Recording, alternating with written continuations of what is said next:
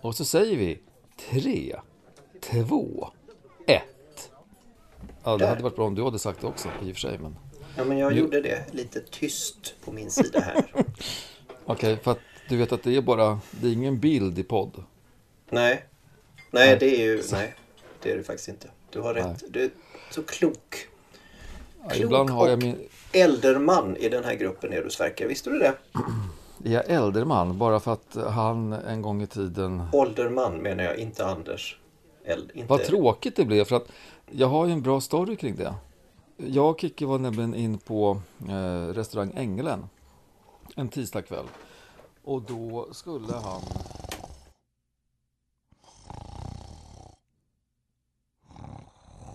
Man har sjungit liksom som en sång till en.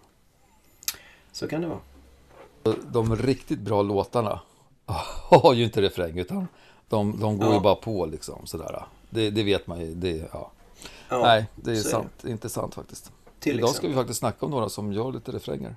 Ja, sicka jävla refränger de gör. Men jag tycker Är vi redo? vi, Nu eh, börjar vi. vi kör.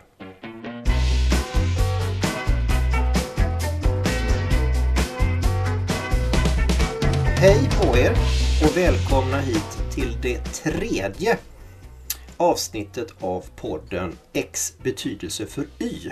Där jag, Patrik Löfqvist och min eh, vän och kompanjon Sverker Hemring. eh, höll jag på att säga ondgör oss över, men det gör vi inte. Utan mer kontemplerar, filomfonserar och pratar lite löst om olika gruppers betydelse för saker som har med antingen kommunikation eller lärande att göra. Ja, jag skulle nästan vilja faktiskt säga att vi, vi nog hyllar de här eh, banden eller grupperna som vi tar upp, eller artisterna. Eftersom eh, liksom, grunden för att ett band ens, eh, eller en artist ens har en chans att finnas med i våran podd är ju tack vare våra helger som vi har haft genom åren då vi har gjort Spotify-listor när vi har träffats och gjort andra kommunikativa saker. Just det. Så är det. Eh, så dagens avsnitt som vi faktiskt eh, med hjälp av slumpen kom fram till eh, i förra avsnittets slut är polis betydelse för storytelling. Vilket fantastiskt ämne. Det finns så mycket att säga. Alltså man blev ju bara lycklig och glad när Ja. eh, v- våra små lappar i våra små kuvert eh, gjorde oss... Möts liksom. Ja, Mm. en fröjdefull eh, tillställning blev det helt enkelt. Inte alls Ja, så julen det var länge sedan. Ja. Ja, det var länge sedan. Det har gått över. Ja, Vi som är i dem förresten, det är jag, Patrik, jobbar till vardags som training specialist och konceptutvecklare på företaget Semcon i Göteborg. precis. Och eh, jag då, Sverker, jobbar ju som kommunikatör på Handelsbanken helt enkelt. Ja, Mm. så är det. Ja. Det är vi. Men du, Mm. polis och storytelling då? Vad, vad har Mm. vi att, att, att säga om det? Alltså det finns ju jättemycket. Jag tycker att vi ska kasta oss ut eh, genom att köra eh, en av dina favoritlåtar, eh, Born in the 50s. Vi ger den 30 sekunder så blir Stim glada och så återkommer vi när vi har lyssnat på den. Lovely. Born in the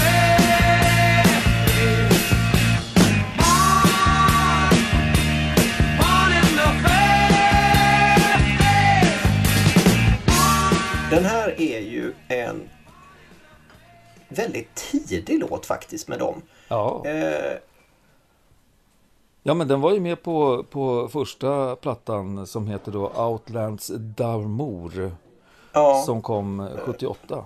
Ehm, Ja. Och den plattan hade ju en, ett gäng andra hits på sig, men eh, jag älskar ju den här bara för att den är så pang på, som vi hörde. Mm. Det är liksom, Mm. det är rakt in på refrängen. Ingen tvekan, utan det är, det är poprock, eh, lite punk-feeling på en gång. ja men det är det. Eh, det finns ju några sådana mindre hittar på den också. Till exempel Roxanne och Can't Stand Losing You. Eh, Ja, så. Till exempel. halvbra, halvbra album. Eh, Ja. Outlandos D'Amour också, det är en ganska korkad förvrängning av Outlaws of Love som eh, managern Miles Copeland bestämde sig för att eh, albumet skulle heta. Mm. Nej, men det roliga tycker jag med, med, med Polis, det är ju ändå att de bildades alltså året innan som den här plattan Ja. släpptes, eh, Ja, 78. det gjorde de. Eh, det gjorde de. och måste nog faktiskt tillskrivas som en av de eh, bästa debutplattor som eh, någonsin har gjorts, skulle jag vilja säga. Ja. ja, den är löjligt bra. Mm. Och vi har ju också en, en eh, hyfsat eh, duktig låt, eh, eller rättare sagt textkomponerare, textskapare i, i, eh, i vår vän Sting. Mm. Eller Gordon Sumner som han väl egentligen heter. Ja, egentligen heter han det. Vet du varför han kallas för Sting förresten? Eh, nej, det är en av de sakerna som jag har gått lite bet på. Han kom till en spelning en gång, eller om det var ett rep. Okej. Och så hade han en svart och gulrandig tröja på sig. Mhm. Och då fick han heta Sting. Eftersom han såg ut som en geting.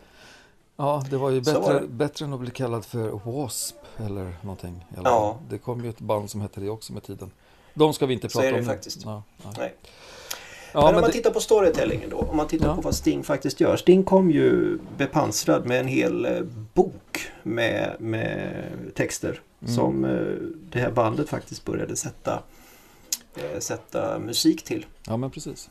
Eh, och tittar man med Born in the 50 så är det ju sån här, de är ju det. Born in the 50s. Ja, i alla De fall, i alla fall, gubbar nu de med. ja, i alla fall två år. Då. Faktum är att eh, gitarristen eh, Andy Summers, han är ju faktiskt född på 40-talet. Det är Ja. lite intressant. Men de två andra, eh, Stuart Copeland och Sting, de är ju 50-talister. Ja, det är de. Ja. Eh, och den börjar ju lite coolt med eh, My mother cried when President Kennedy died. She said it was the communist, but I knew better. Mm. Och sen utvecklas det där med But I knew better. Eh, nästa vers avslutas med Cause we know better. Mm. Tredje versen Mm. avslutas med Oh they should have known better. Och sen avslutas det med något sånt där introspektivt. Jag har kommit till en insikt. Oh, we should have known better. Ja. Ja, men Och jag tycker för att vara en ganska ung kille som han faktiskt då var 1978 så tycker jag det är ganska insiktsfullt att redan då ha komponerat ihop något som dels är så snyggt och sen också blir någonstans så här att Nej, men jag förstår nog att jag har utvecklats och gått på pumpen och blivit lite sådär, jag har gjort lite fel men jag har blivit bättre. Mm. Nej, det är, det är riktigt häftigt hur de också får ihop eh, eh, alltså hela hans liv fram till dess. Liksom från 50-talet med eh, mordet på JFK och eh, andra saker som händer under hans livstid. Och liksom får ihop Ja. den här, som du säger, att eh, först de borde ha vetat bättre och sen avslutas med att vi borde ha vetat bättre. Det är, alltså, det är, en, Ja.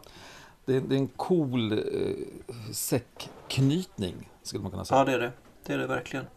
Eh, det här var ju inte det första bandet som eh, Sting och pojkarna var med i. De var ju med i ett eh, tidigare band. Ja, Eh, som hette Strontium 90.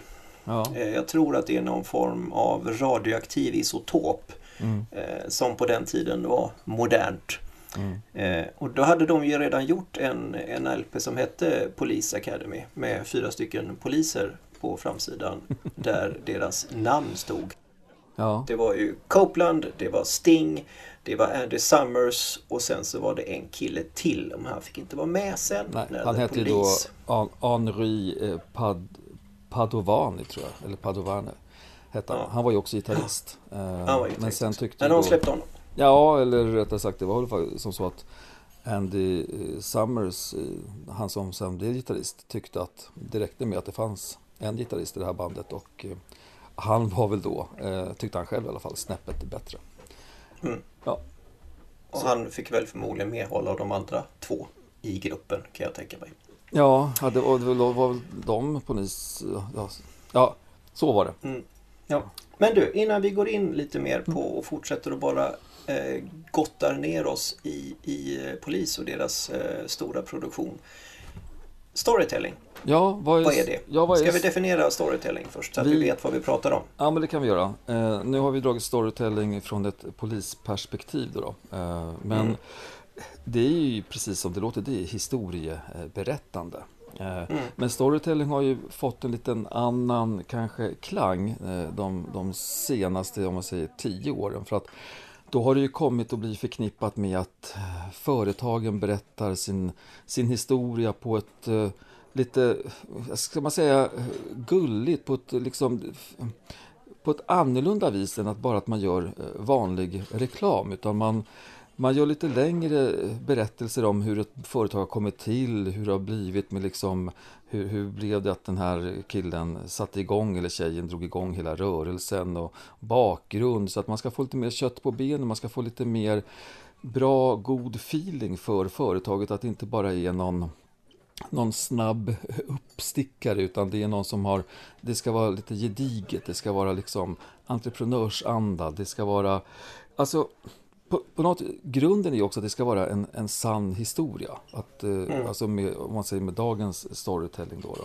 Och att det, är- det är företagets historia som då ska göra att man känner att ja, men, det, här, det här är någonting som jag kan eh, liksom, som känns trovärdigt, som jag kan lita på och som, som har någonting att falla tillbaka på och som hjälper och gör mitt liv lite bättre. Å andra sidan, det är väl vad all marknadsföring någonstans strävar efter att eh, försöka säga. Fastän med storytelling så känns det mer genuint.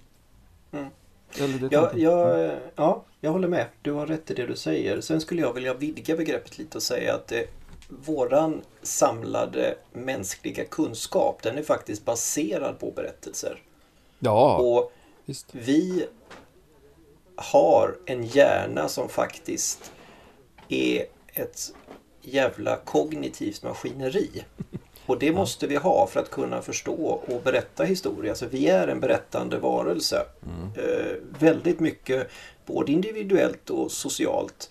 Och tittar man på i princip all form av kommunikation idag så bygger den ju på att någon kan berätta en historia i en eller annan eh, dimension. Ja, nej men eh, utan tvekan. Och, Och, eh, och, och just, det här, just det här med storytellingen vikt för i ett kommunikativt perspektiv det är ju att en bra historia engagerar en lyssnare och det innebär det att man kan ta till sig nya perspektiv, man, man, kan, man, man blir empatisk, man, man förändras under tiden man, man tar emot budskapet och det, det är ju oberoende om man är om man är någon som ska förväntas köpa eller tycka att ett varumärke är bättre eller om man faktiskt då ska lära sig någonting. mm, Jag har ju använt lärande eller storytelling otroligt mycket i min undervisning för att få mina elever att faktiskt fatta vad jag menar. ja, nej, men det är ju det som är, det är ju med storytelling som saker och ting fastnar på, på djupet. Eh, Ja, är det ju. Och det är ju oavsett om det är att man ska försöka eh, sälja en, en produkt eller om det är som du säger att eh, försöka lära någon eh, någonting. Så att eh, storytelling, och det är, ja, det, jag gillar ju storytelling väldigt, väldigt mycket.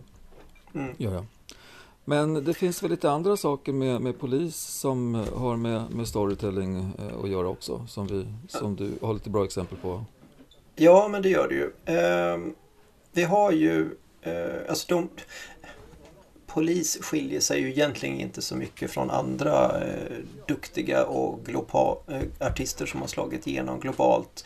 Men det som jag tycker har ett lite speciellt värde just på storytelling-sidan som har med, med, med The Police att göra. Det är att de har ett väldigt ambitiöst sätt att både eh, bygga sina texter och faktiskt också bygga sin musik. Mm. Eh, vi har allt ifrån låtarna på andra studioalbumet eh, Regatta de Blanc. Mm, precis. Men där har vi ju alltså Message in a Bottle och Walking on the Moon. Alltså de är ju oerhört berättande låtar. Mm. Det, det är inte bara hjärta och smärta och, och mat och hat. Nej. Om det nu skulle vara det. Eh, det är väldigt, väldigt, väldigt mycket berättande. Ska vi ta och lyssna Eh. på en av dem kanske? Ja, men vi gör det. Ja.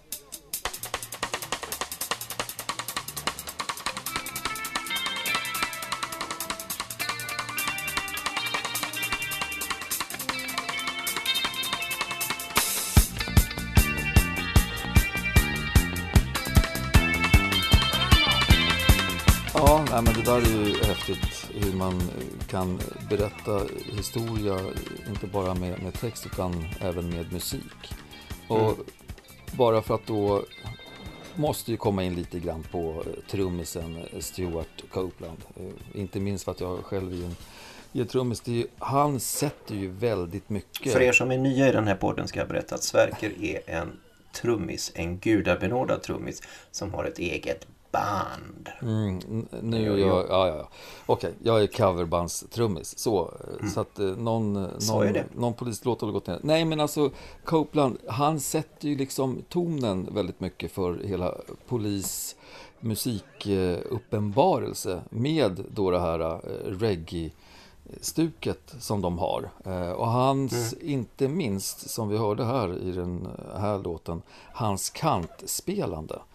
Alltså Mm. han, han är ju en fascinerande eh, kille när det gäller takter, att kunna liksom växla takter, att eh, få till liksom tempon och ja, ett sväng som är, skulle jag säga, eh, one of a kind.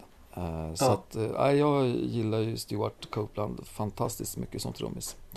Ja. Eh, sen att, att han då råkar vara amerikaner, de andra två är ju, är ju engelsmän då. Men Ja. ja, det, är- det, det är okej. Man kan inte få allt, Man kan inte få tänkte de nog. Nej, Nej. precis.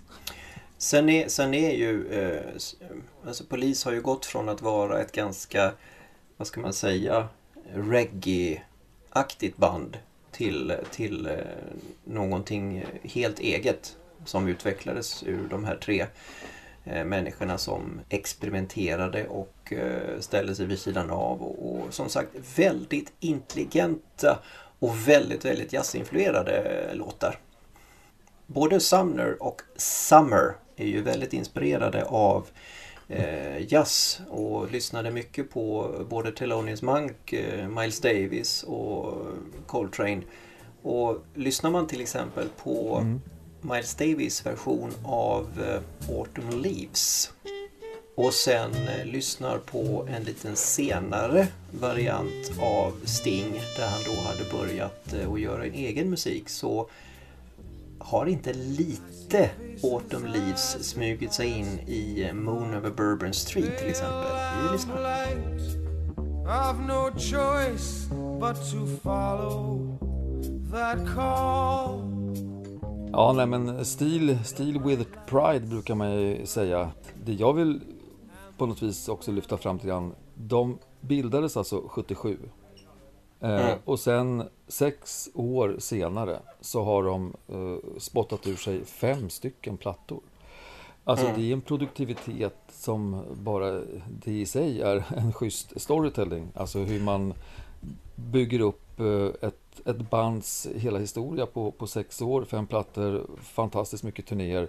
Och sen eh, så, så blev det inte så mycket mer än så. Men Nej, eh, vilken, nej. vilket arv de har lämnat efter sig. Liksom. Ja men det har de verkligen. Eh, Det här eh, Regatta de Blanc, den tog ju tre veckor att spela in. Ja, Det är jävligt kort. Sen gjorde de inte, de körde inte tre veckor i stöten Nej, utan de spridde ut det här. De hann med en, en världsturné till exempel, eller en USA-turné Mm. som de började. Och under den turnén så spelade de in eh, Message in a Bottle, Mm. No Time This Time till exempel. Och sen så avslutades inspelningen i augusti och då fick de ställa in två veckors eh, bokad studiotid för de var klara. ja, det, Det händer ju inte jätteofta. nej, det måste ju varit ett glatt skivbolag som tog emot den lilla nyheten att de slapp betala för två, de två veckorna i studion. Ja, jag tror det. Faktiskt. Eh, Men du, Ja. eh, goda exempel på storytelling i kommunikation, vad skulle du säga att det är? Ja, och då kan man inte, jag kan inte låta bli faktiskt eh, att eh, eh, backa tillbaka till någonting som är då rätt reklamigt men som har en väldigt god historia i sig. Och det är ju faktiskt sen, sen du och jag träffades första gången då på Bergs reklams, reklamskola som vi möttes av, eller det hade vi gjort tidigare, men Gevalias koncept eh, när du får oväntat besök. Mm. Alltså med den här stora eh, typ Atlantångaren eller Ålandsbåten vad man nu vill som parkerar upp vid en liten kobbe med ett litet eh, rött hus på. Eh, Ja. det är ju en, en, en storytelling eh, utan dess like. Även om det då kanske inte riktigt rimmar med begreppet storytelling som man nu svänger sig med. Men sen de, de utvecklar ju det även till att inte bara vara eh, liksom annonser utan några år senare så, så var det ett litet flygplan som landade på, på Svampen på Stureplan i, i Stockholm. Eh, mm. Och en ubåt som dök upp nere i Malmö på deras lilla torg. Så att de mm. kunde verkligen, de förädlade och eller utvecklade det konceptet på ett väldigt fascinerande sätt, den reklambyrån. Eller det var ju flera reklambyråer under årens lopp. Ja, nej, men det var också stark storytelling eh, utan tvekan. Ja, eh, 1980 släpper då Polis sitt tredje studioalbum, eh, Senjata mm. Mondata. Där ja. tror jag att Copeland har givit upp. Eh, eh, men där har vi ju eh, Bidu-du-du, Bidada-da och Don't Stand So Close To Me. Det var ju de stora hittarna där. Okej, okay, då mm. lyssnar vi. When the eloquence escapes me Their logic ties me up and wraps me Do, do, do, da, da, da, da That's all I want to say to you Do, do, do, da, da, da, da Det här var ju egentligen den första skivan där de verkligen hade press på sig. Och fjärde studioalbumet känner jag, då har de då blommat ut fullständigt. Då, då har de liksom blivit, nu är de stora på riktigt. Mm. Och man kan se det också i deras texter att de börjar bli mera storvulna. Alltså de tycker om oerhört mycket om det engelska språket, det märker man. Men de börjar mm. också att bygga eh, historien i sin skiva och i varje låt på ett helt annat sätt. Mm. Eh, samtidigt som lite roligt släpper de Every Little Thing She Does Is Magic som faktiskt är en hit som de hade redan med Strontium 90. Just det, eh, deras, deras pre-polisband. Ja, exakt. Så att lyssna på hur Every Little Thing She Does Is Magic låter eh, pre-polis. Mm of a thousand rainy days since we first met. Och sen då den eh, mera upptempo-versionen som ligger på Ghost in the Machine. Den som alla har hört.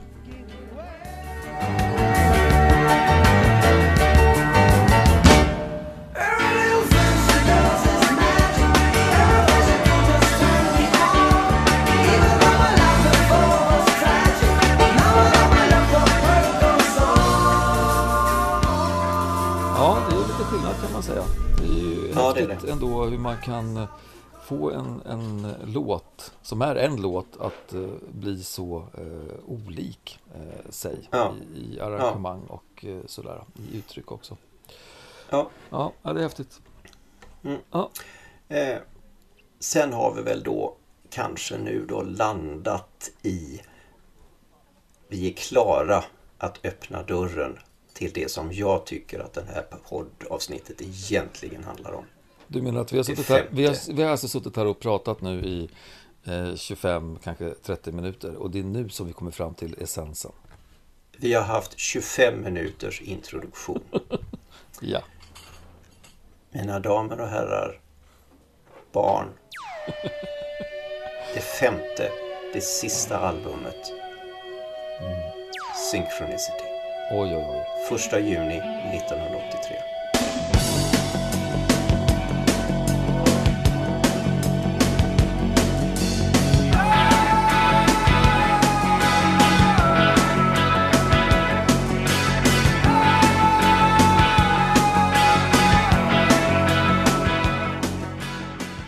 Alltså det här är en sån milstolpe i mitt liv. Det, det, är, det är lite klyschigt nu faktiskt. För att när det här kom och min kompis eh, på gymnasiet, eh, Jerry, spelade den här för mig.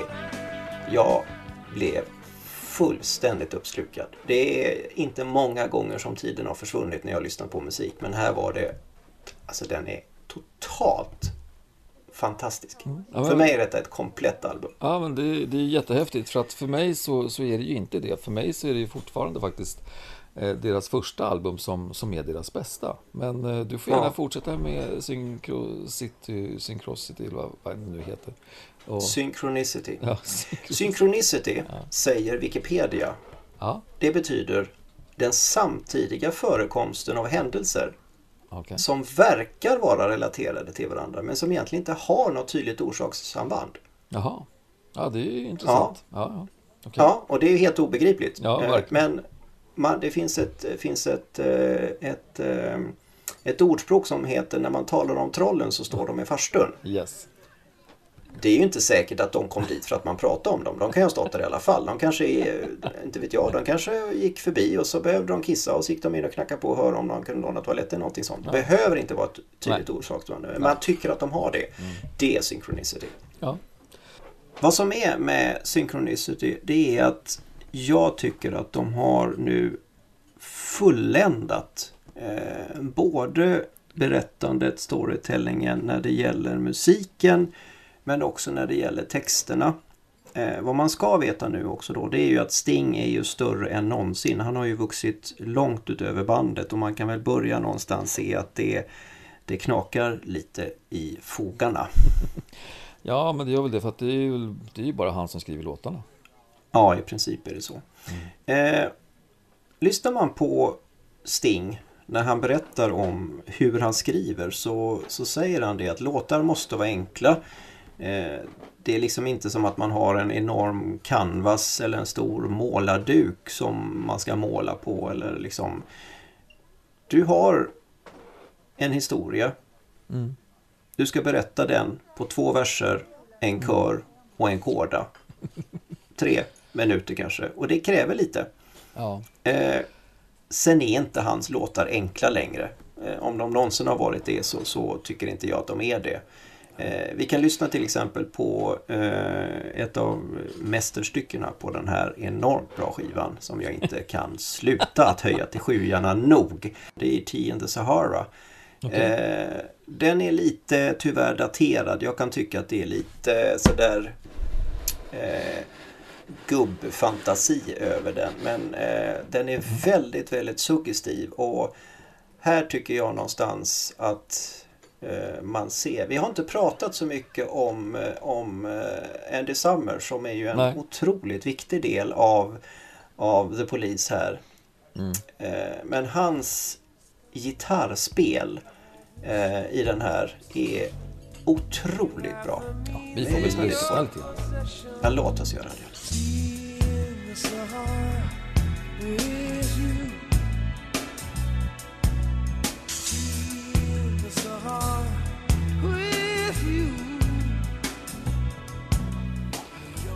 Ja, nej, men det är som du säger. Eh, jag har ju höjt eh, Stuart Copeland till skyarna som, som trummis. Men eh, Andy Summers är ju en fantastisk gitarrist och han är ju liksom sprungen ur, ur jazzen rätt mycket. Och vi ska inte glömma bort Stings bas, baslir heller. Han skriver inte bara låtar, han kan ju lira bas. Han, är, ju- han kan ju spela gitarr också. Men alla tre är ju faktiskt väldigt, väldigt duktiga på sina instrument. Eh, Ja. Så det, så är det ju. Eh, ja, Och jag kan tycka att de blir de blir ett eget instrument. Alltså när, när, när tre duktiga musiker eh, går ihop och skapar någonting mer än bara sig själva och bygger instrumentet, gruppen då, som i detta fallet blev The Police, då är det bra. Som fan. Ja, jag håller med, det är, det är riktigt, eh, riktigt bra. Sen, Mm. och jag ska också säga det, ja, Every Breath You Take, den finns på den här skivan. Och nej, vi ska inte spela den. För förutom Smoke on the Water så är det en av de mest överskattade och mest spelade låtarna i världen. Tack!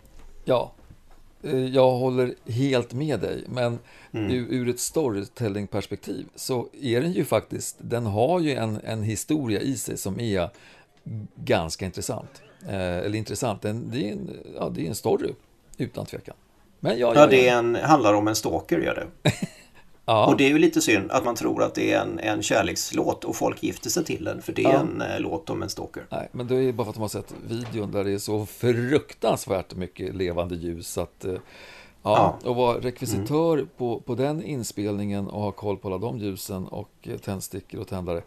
Nåja, det är en liten annan historia. Men apropå det här med, med film då. Jag måste ju alltid prata lite grann om, om film. Så eh, är det lite kul att Stuart Copeland, eh, den älskade trummisen i det här bandet, han gjorde sig ju ett eh, namn även som filmmusikkompositör. Just det. Både till Rumble Fish, Francis Ford Coppolas fantastiska svartvita film med både Matt Dillon och Mickey Rourke. Så var det han Ja. som skrev musiken. Och sen då, liten vändning när man kan tänka sig, man pratar om typ av eh, film, så Wall Street med eh, Michael Douglas och eh, Mm. Charlie Sheen så var det han Mm. som skrev musiken till den också. Så att, nej, det är kul. Alltså han, han var ju mycket mer, om man säger, att skriva instrumentala prylar. Ja. Och Sting spelade ju en onding i Dune. Ja, oh, Och ja. hade också ett litet inspel i eh, Terry Gilliam-filmen Kapten Gulskägg. Ja, och inte med, alltså Quadrophenia, alltså eh, Quadrophenia. den här rock, eh, opera, inte opera, men det var ju en ja, musikfilm. The Who's mästerstycke. The Who's eh, från The Who, ja precis. Så Ja. han The Bad Boy med flest eh, backspeglar på sin skoter, typ. Just det. Så, ja. Ja. Nej, men det är Eh, kul. Okej, men eh, alla goda, bra sagor har ju sitt slut. Och så även sagan The Police. Mm. Ja. Vad hände egentligen Sverker? Slutade det lyckligt? Eh, ja, det, om vi håller oss till... till Beror på 80 vem man frågar kanske. Ja, det, om vi håller oss till 80-talet. Här har de då alltså, eh, eller 70-80-talet. De här har de alltså gjort fem stycken plattor på sex år. Eh, Har Mm. blivit Hyfsade. världsberömda. De är jättestora. Eh, De ska till och göra sitt sjätte album. Det har väl gnisslat lite grann eftersom det är bara Stig Ja. som har gjort låtarna eh, tidigare. Eller på de senaste två plattorna. Eh, De har bokat tid i studion, ska gå in och börja göra sitt sjätte album. Då får Stuart Copeland för sig att han ska ut och rida kvällen innan som de ska börja i studion. Och ja, han råkar ramla av hästen och bryter nyckelbenet.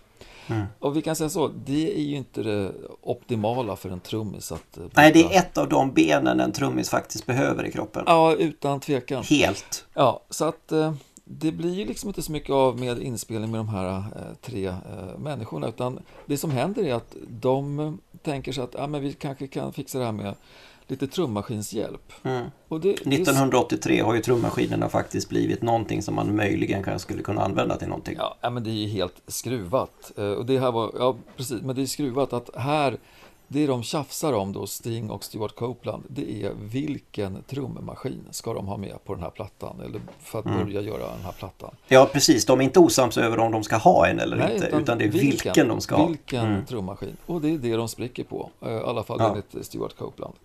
Mm. Så, så att 86 eh, så är det finito med eh, polis och nya låtar från de tre i polisnamnet om vi säger. Mm. Eh, sen gör de ju en... Sensmoralen då, rid inte före spelning. Nej, och framförallt inte på hästar. Framförallt inte på hästar. Nej. Eh, nej men sen är det ändå så här att de, gör en, de återförenas eh, 2007-2008 och gör en eh, massiv turné. Eh, och det är väl den tredje eller fjärde mest inkomstbringande turnén under de åren. Sen är det som så att de har ju gjort, de gör ju soloplattor mellan 86 och 2007 och de är ju faktiskt med och lirar på varandras eh, soloplattor en del låtar lite här och där. Så att eh, visst. Och alla de, alla de soloplattorna är inte jättedåliga heller om man ska vara ärlig. Nej, sen ska vi inte säga Nej. att alla är jättebra heller. Alltså det, det Nej, finns det väl det är väl eh, både ups and downs. Men så att Mm. ändå, de har ju inte, även om de bryts, när brytningen kommer 86, då sker liksom pang bom. Men sen, de är nog, ja, det, tiden läker ju sår. Så är det ju Ja. oftast i alla fall. Så är det. Ja. Om Så inte så annat så Ja. pengar läker sår också. Eh, kan också göra det, ja, precis. Ja. Ja, Men du, om man ska försöka runda av här då. Mm. Eh, storytelling. Varför är det bra? Vad gör det med oss? Eh, storytelling gör att eh, vi eh, lever, skulle jag vilja säga. Storytelling är, Mm. vi är beroende av storytelling, av goda historier och eh, företag som kan berätta goda historier vinner väldigt mycket både i trovärdighet och eh, eh, respekt och att det är någonting som man man, man köper liksom företaget. Man kanske inte Mm. måste köpa produkten, men man köper företag för det blir genuint. Det blir, Mm. det blir, det får kropp, det får Mm. själ, det får, Mm. alltså historia ger verkligen det och det är det som hela storytellinget bygger på. Så är det historieberättande liksom. Eller historia. Mm. Mm. Och i ett lärande perspektiv. Eh, Mm. Det finns inget mer effektivt sätt att faktiskt eh, förändra en, en ung eller en gammal människa i, i, eh, i kunskapsperspektiv eh, än att faktiskt berätta en historia för hen. Eh, Mm. det är alla ni som lyssnar där ute har haft en lärare som har varit en fantastisk storyteller. Eh, och det sätter sig. För att det som du säger Sverker, mänskligheten är historier. Mm. Vi är, det ligger i vårt genom att eh, förstå historier. Ja, det är Eh, häftigt. Så att eh, ja. nu har vi försökt att göra en liten eh, storytelling av polis och storytelling. Det Ja. känns väl inte så dumt? Nej, Nej. Och nu då? Nu ska vi komma in på det lilla, det lilla, eh, vad heter det? finalen kanske. Eller det, det lilla skojet eller, eller eh, eh, den lilla slumpartade bryggan över till nästa avsnitt. Ja, the cliffhanger. The The cliffhanger. Ja, precis. Ja, precis. Så att jag eh, kommer nu att gräva lite i eh, den lilla gräva i den lilla påsen och ta fram en grupp. Ska vi se vad det kommer att vara. Mm. Aha. Okej. Jaha. Eh, Mm. Ska jag dra då kanske vad det är för ämne som vi ska... ja, Ja. Japp. Jag är klar. Om Sverker. Vad kommer nästa avsnitt att heta? Eh, ja, du får väl säga då eh, gruppen va? För det var det som du skulle dra först. Ja, Ja. eh, nästa avsnitt kommer heta CC Tops betydelse för Masskommunikation. Ja, fy fan vilket bra ämne! Ja, Kan man tänka sig något smalare? Jag tror inte det. ja, det råkade bara bli det. Men det, Ja. ja. Men det är ju Det är ju det som är slumpen, vi lever liksom. på slumpen här. Så att, Vi ja, vad kul. Eh, innan vi då avrundar det här och säger tack och hej så Mm. kanske vi då ska... Så att vi tar ju tacksamt emot eh, kommentarer, synpunkter, inspel Mm. eh, på Mm. det vi pratar om. Eh, vem vet, någon av er kanske har något eh, litet tips på vad vi ska prata om också. Som kan ha med Ja, någon av er alla fem som följer oss måste väl ha något att säga Ja, som kan vara av värde för oss. Och, ja. Nej, men vi vill ju gärna, alltså det här, vi vill, det här är ju ett, eh, även om vi gör podden så vill vi gärna eh, vara, ha delaktiga lyssnare. Så kan vi säga. ja, absolut. Så Eh, kommentera gärna, eller skriv till oss. Gilla oss gärna på Facebook. Ja. Eh, vi finns inte på Twitter, eh, Inte men vi finns på Facebook. Ja, det gör vi. Ja. Vi finns på Instagram också fast vi gör inte så mycket där. Men eh, det Nej, kommer det bli mer. Eh, Mm. Hur som helst, kul att ni lyssnar. Ta hand, ta hand om er där ute i alla tider. Och eh, Ja. du kompis, vi hörs. Ja, det gör vi. Ha det bra. Hej. Tjaba!